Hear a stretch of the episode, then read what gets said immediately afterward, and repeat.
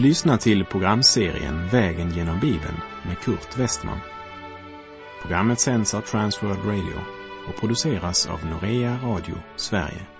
Vi befinner oss nu i Uppenbarelseboken. Slå gärna upp din bibel och följ med.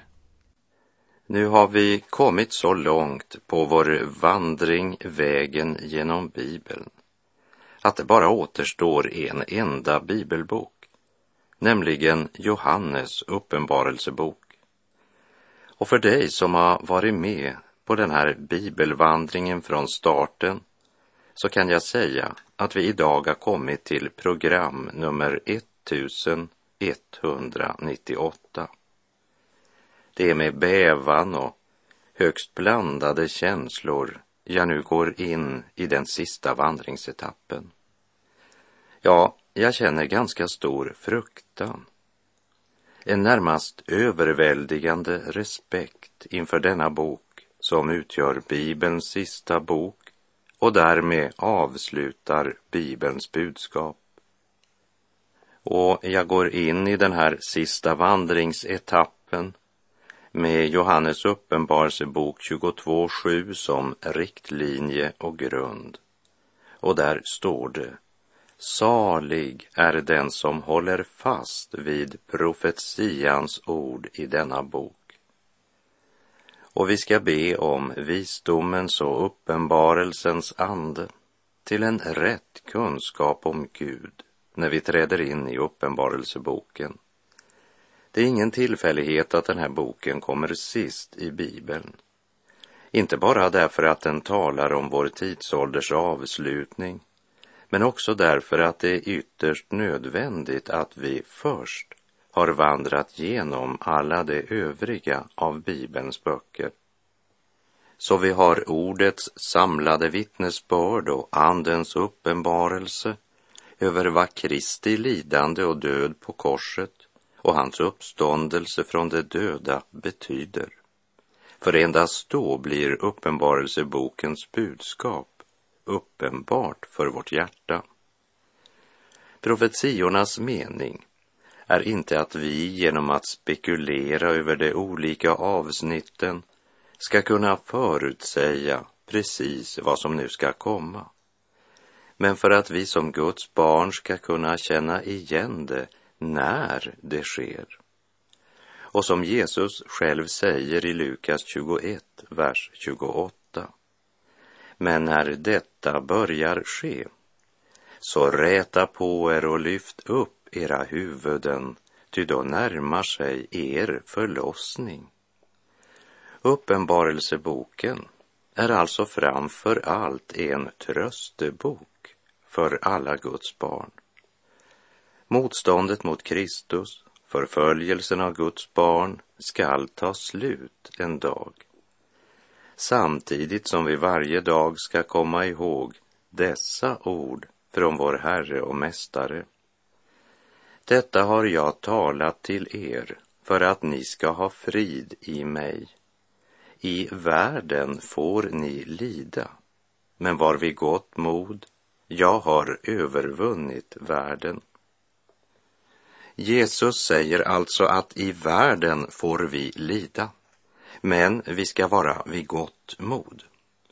Det vill säga, lidandet ska inte göra oss modlösa. Och i Matteus 10, 28 säger han, var inte rädda för dem som dödar kroppen men inte kan döda själen. Frukta istället honom som kan fördärva både själ och kropp i Gehenna. Och i Matteus 24, verserna 7 till och med 14 säger Jesus. Folk skall resa sig mot folk och rike mot rike. Och det ska bli hungersnöd och jordbävningar på den ena platsen efter den andra. Men allt detta är bara början på födslovåndorna. Då ska man utlämna er till att misshandlas och dödas och ni kommer att bli hatade av alla för mitt namns skull. Och då skall många komma på fall och de ska förråda varandra och hata varandra. Många falska profeter ska träda fram och bedra många. Och eftersom laglösheten tilltar kommer kärleken att svalna hos de flesta. Men den som håller ut in till slutet skall bli frälst. Och detta evangelium om riket ska predikas i hela världen till ett vittnesbörd för alla folk och sedan skall slutet komma. Lägg speciellt märke till orden i Matteus 24, 8. Men allt detta är bara början på födslovåndorna. Jesus talar om födslovåndor, vilket säger oss att innan Guds rike kommer i all sin härlighet skall vi som är Guds barn genom den smärta som Jesus kallar för födslovåndor. Och då ska många komma på fall. Men den som håller ut in till slutet ska bli frälst, säger Jesus. Och eftersom jag tror att Jesus vet vad han talar om har jag svårt att förstå att Jesu brud skulle vara uppryckt och inte gå igenom förföljelsen under Antikrist. Jesus säger inte det ofrälsta ska gå igenom en födslovånda medan Guds barn ska tas med kejsarsnitt. Men han säger att många ska komma på fall, men den som håller ut in till slutet ska bli frälst. Det vill säga svårigheter och kors väntar Guds barn innan förlossningen är över. Bilden av en födsel talar mycket starkt om smärta, i alla fall för de kvinnor som varit igenom en eller flera födslar. Vi män har inte förutsättning att förstå denna illustration fullt ut även om också vi kan ana något av vad Jesus säger om vår tidsålders avslutning. Jag har haft privilegiet att få vara med vid förlossningen av samtliga av våra fem barn. Och även om jag bara var åskådare måste jag säga att det var illa nog. Att se den man älskar gå igenom de födslovåndor som föregick förlossningsögonblicket. Men desto större var glädjen när det var över och ett nytt liv hade sett dagens ljus. Det var ett fantastiskt ögonblick. Ingvar Johansson säger Herren gav aposteln Johannes dessa uppenbarelser och bjöd honom att uppteckna vad han fått höra och se för att Herrens trogna i den tid de lever ska se och känna igen vad som sker så att de inte blir förvillade utan kan se vad som är från Gud och vad som är av djävulen, den gamle ormen. Och jag vill av hjärtat instämma i de orden. Som jag redan nämnt så är det med både bävan och stor respekt jag börjar vandringen genom Uppenbarelseboken eftersom jag känner mig allt annat än kompetent att vara guide genom detta avsnitt. Jag är klart medveten om att både jag själv och mina lyssnare har högst begränsade kunskaper. Bibeln består av 66 böcker av vilka Uppenbarelseboken är den sista. Och det betyder att vi innan vi vandrar genom den sista boken först grundligt måste känna till alla de 65 övriga böckerna innan vi vandrar genom den sista boken.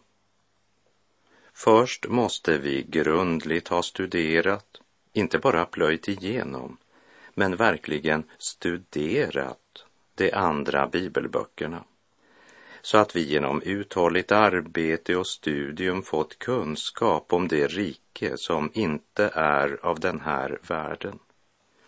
Vi måste ha insikt i Guds suveräna tanke och gudomliga plan, kännedom om Kristi sinnelag och korsets plats, både i historien och i våra egna liv. Annars går vi lätt vilse. Uppenbarelseboken är en bok till tröst för Jesu efterföljare och samtidigt en väckarklocka som brutalt vill väcka oss alla ur den sömnaktighet som så lätt drabbar oss på denna syndens jord. Och aldrig har uppenbarelsebokens budskap varit aktuellare än vad det är idag. Tidsandans mörker tätnar allt mer. Avfallet från Gud blir allt mera uppenbart och världssituationen allt mer desperat. Falskhet, fusk och bedrägeri avslöjas bland ledare på alla livets områden. Det gäller regering, politiker, vetenskap, utbildning, ja till och med i Guds församling har gudlösheten trängt djupt in. Det är mammon som är vår tids Gud. Snabba pengar utan att behöva svetta för dem. Det kallas inte bedrägeri utan för smarthet. Och personlig vinning är drivkraften hos de flesta. Det är penningbegärets vindar som blåser över världen. Och det verkar som även Guds barn har glömt att Guds ord säger har vi mat och kläder skall vi vara nöjda med det. Men de som vill bli rika, de råkar ut för frestelser och snaror och många oförnuftiga och skadliga begär som störtar människor i fördärv och undergång. Ty kärlek till pengar är en rot till allt ont. I sitt begär efter pengar har somliga kommit bort från tron och vållat sig själva mycket lidande. Men du, Guds man, håll dig borta från sådant. Sträva efter rättfärdighet, Guds fruktan, tro, kärlek, uthållighet och ödmjukhet. Kämpa trons goda kamp. Sök att vinna det eviga livet som du blev kallad till och som du bekände dig till genom att inför många vittnen avlägga den goda bekännelsen som det står i Första Timoteusbrevet 6, verserna 8 till och med 12.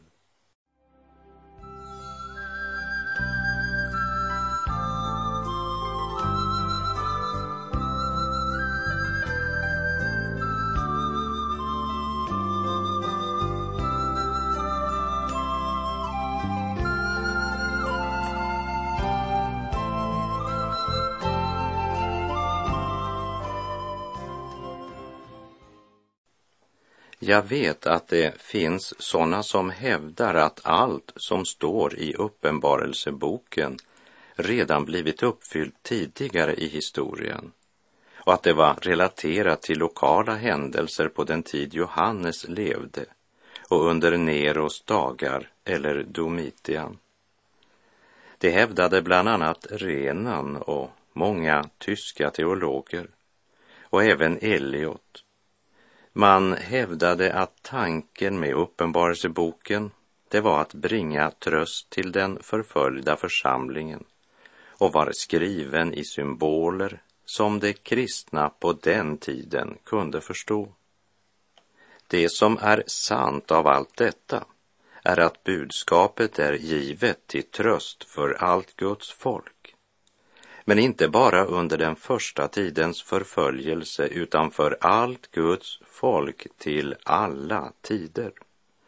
Men om Renan och det som följde hans linje hade rätt så kunde vi ju lika gärna riva ut Uppenbarelseboken ur Bibeln eftersom den inte har något att säga i den tid som vi nu lever i.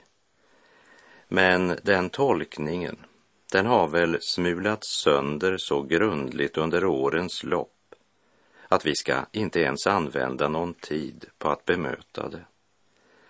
För det andra så har vi den så kallade historiska tolkningen som hävdar att uppfyllelsen av Uppenbarelseboken pågår ständigt i kyrkans historia, från Johannes tid och fram till vår tid. Och det ligger en hel del sanning i det, i alla fall när det gäller de sju församlingarna som vi senare ska se. Men det sträcker sig längre än så eftersom det är uppenbart att uppenbarelseboken är profetisk. Och det är fortfarande flera av profetiorna som väntar på sin uppfyllelse.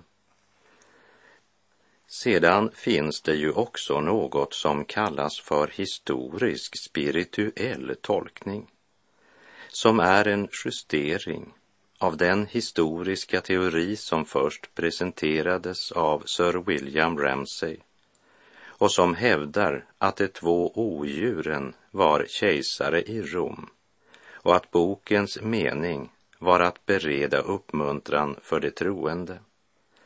Och den teorin hävdar att det mesta av uppenbarelseboken redan är uppfyllt och att boken därför endast innehåller en andlig undervisning för kyrkan idag.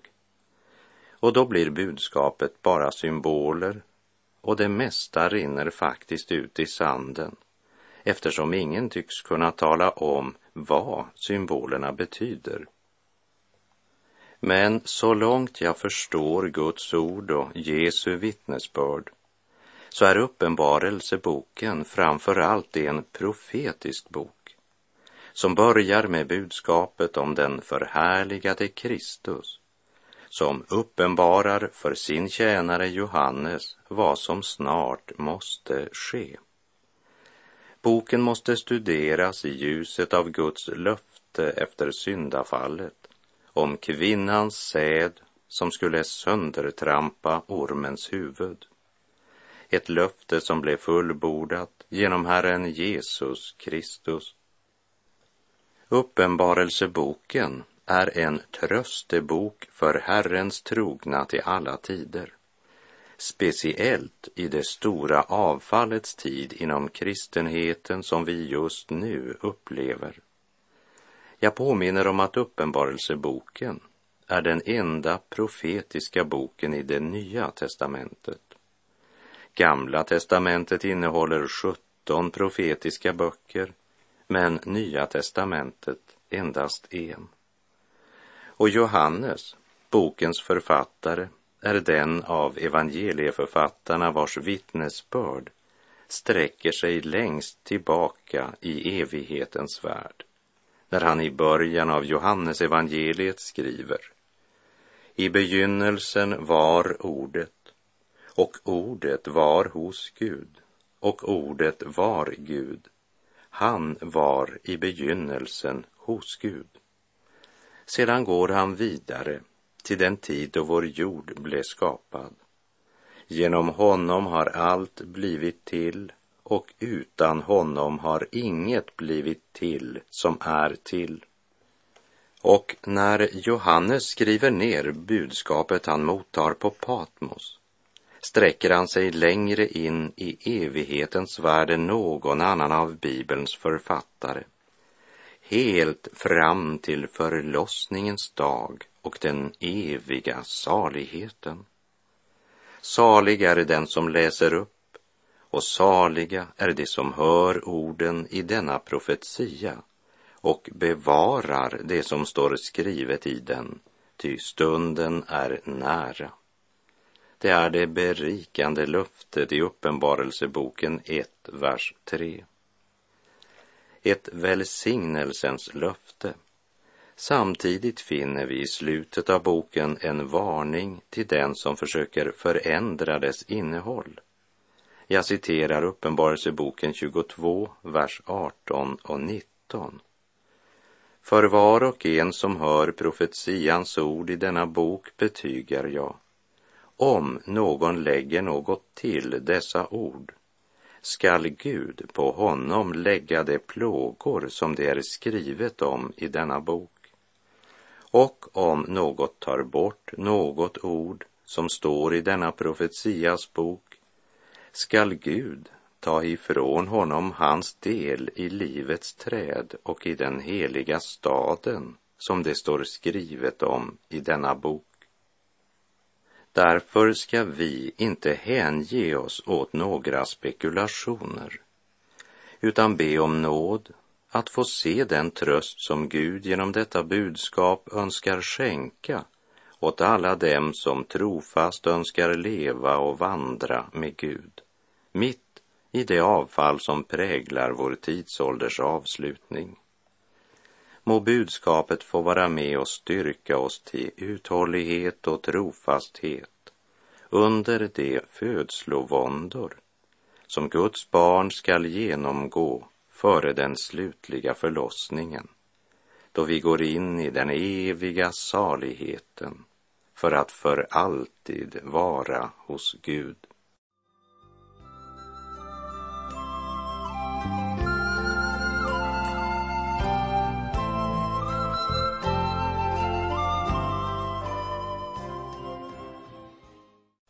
Uppenbarelseboken är inte någon förseglad bok som till exempel Daniels bok om vilken det sägs i Daniel 12, vers 8 till och med 10. Jag hörde detta men förstod det inte. Jag frågade min herre, vad blir slutet på allt detta?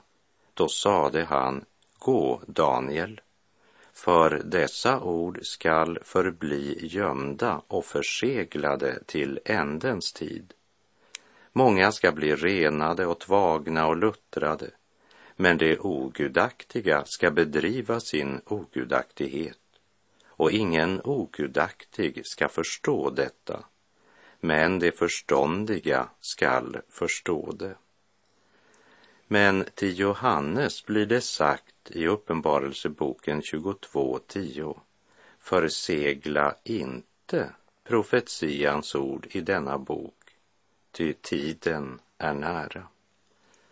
Därför ska vi be om nåd att förstå huvudbudskapet i denna bok och att hålla oss till de verkligheter Johannes beskriver och läsa rent bokstavligt vad som står skrivet, om inte Johannes klart säger oss något annat. Kristus är bokens huvudtema. Det är honom boken handlar om. Det är varken odjuret, antikrist eller vredesskålarna som är bokens tema. Det är lammet som är bokens tema. Lammet och lammets brud. Låt oss ha det klart för oss. Och till alla dem som menar att budskapet endast är symboliskt så vill jag säga, låt oss i all enkelhet försöka läsa det som står skrivet i vissheten om att när något är symboliskt så blir det klart sagt ifrån att det handlar om symbolik. När det gäller indelningen av Uppenbarelseboken så sköter Johannes själv den saken i enlighet med de instruktioner han får och om vilka vi läser följande i Uppenbarelseboken 1.19. Skriv alltså ner vad du har sett och vad som är och vad som skall ske härefter. En tredelad undervisning som talar om det som varit, det som nu är och det som skall komma. Kapitel 1 talar om personen Jesus Kristus, Kristus i härlighet och ära. Kapitel 2 och 3 talar om Kristi ställning och om kyrkans eller församlingens förhållanden i världen. Och kapitlen 4 till och med 22 talar om Kristi plan och mål. Hebreerbrevets författare skriver så här i Hebreerbrevets tionde kapitel, verserna 36 och 37. Ni behöver uthållighet för att göra Guds vilja och få vad han har lovat. Ty ännu en kort liten tid så kommer han som skall komma och han skall inte dröja. Gamla testamentets sista bok, Malaki, talar om rättfärdighetens sol som en dag ska gå upp med läkedom under sina vingar och talar om ett gudomligt hopp som strålar som en morgonstjärna över en av synden förbannad jord. Och det hoppet, det är knutet till Kristi återkomst. Uppenbarelseboken avslutar med morgonstjärnan som är Herren Jesus Kristus, den i skrifterna utlovade Messias som skall komma för att hämta sin brud. Och uppenbarelseboken avslutar och fulländar uppenbarelsen av Kristus. Vi ska också lägga märke till banden mellan Första Mosebok och Uppenbarelseboken, som är den första och den sista boken i Bibeln. I Första Mosebok skapas jorden. I Uppenbarelseboken förintas jorden. Då skall himlarna försvinna med våldsamt dån och himlakroppar upplösas av hett och jorden och det verk som är på den inte mer finnas till, som det står i Petrus andra brev kapitel 3. I Första Mosebok så möter vi Satans första uppror mot Gud. I Uppenbarelseboken möter vi Satans sista uppror mot Gud. I Första Mosebok insätter Gud solen och månen att vara till tecken och till att utmärka särskilda tider, dagar och år. I Uppenbarelseboken behövs inte solen längre. I Första Mosebok kommer synden in i världen. I Uppenbarelseboken drivs synden för alltid bort från Guds värld. I Första Mosebok kommer nöden, sorgen och döden in i världen. I Uppenbarelseboken torkar Gud alla tårar från våra ögon. Döden ska inte mer finnas till och ingen sorg och ingen gråt och ingen plåga. Ty det som förr var är borta. I Första Mosebok byggde människan staden Babylon.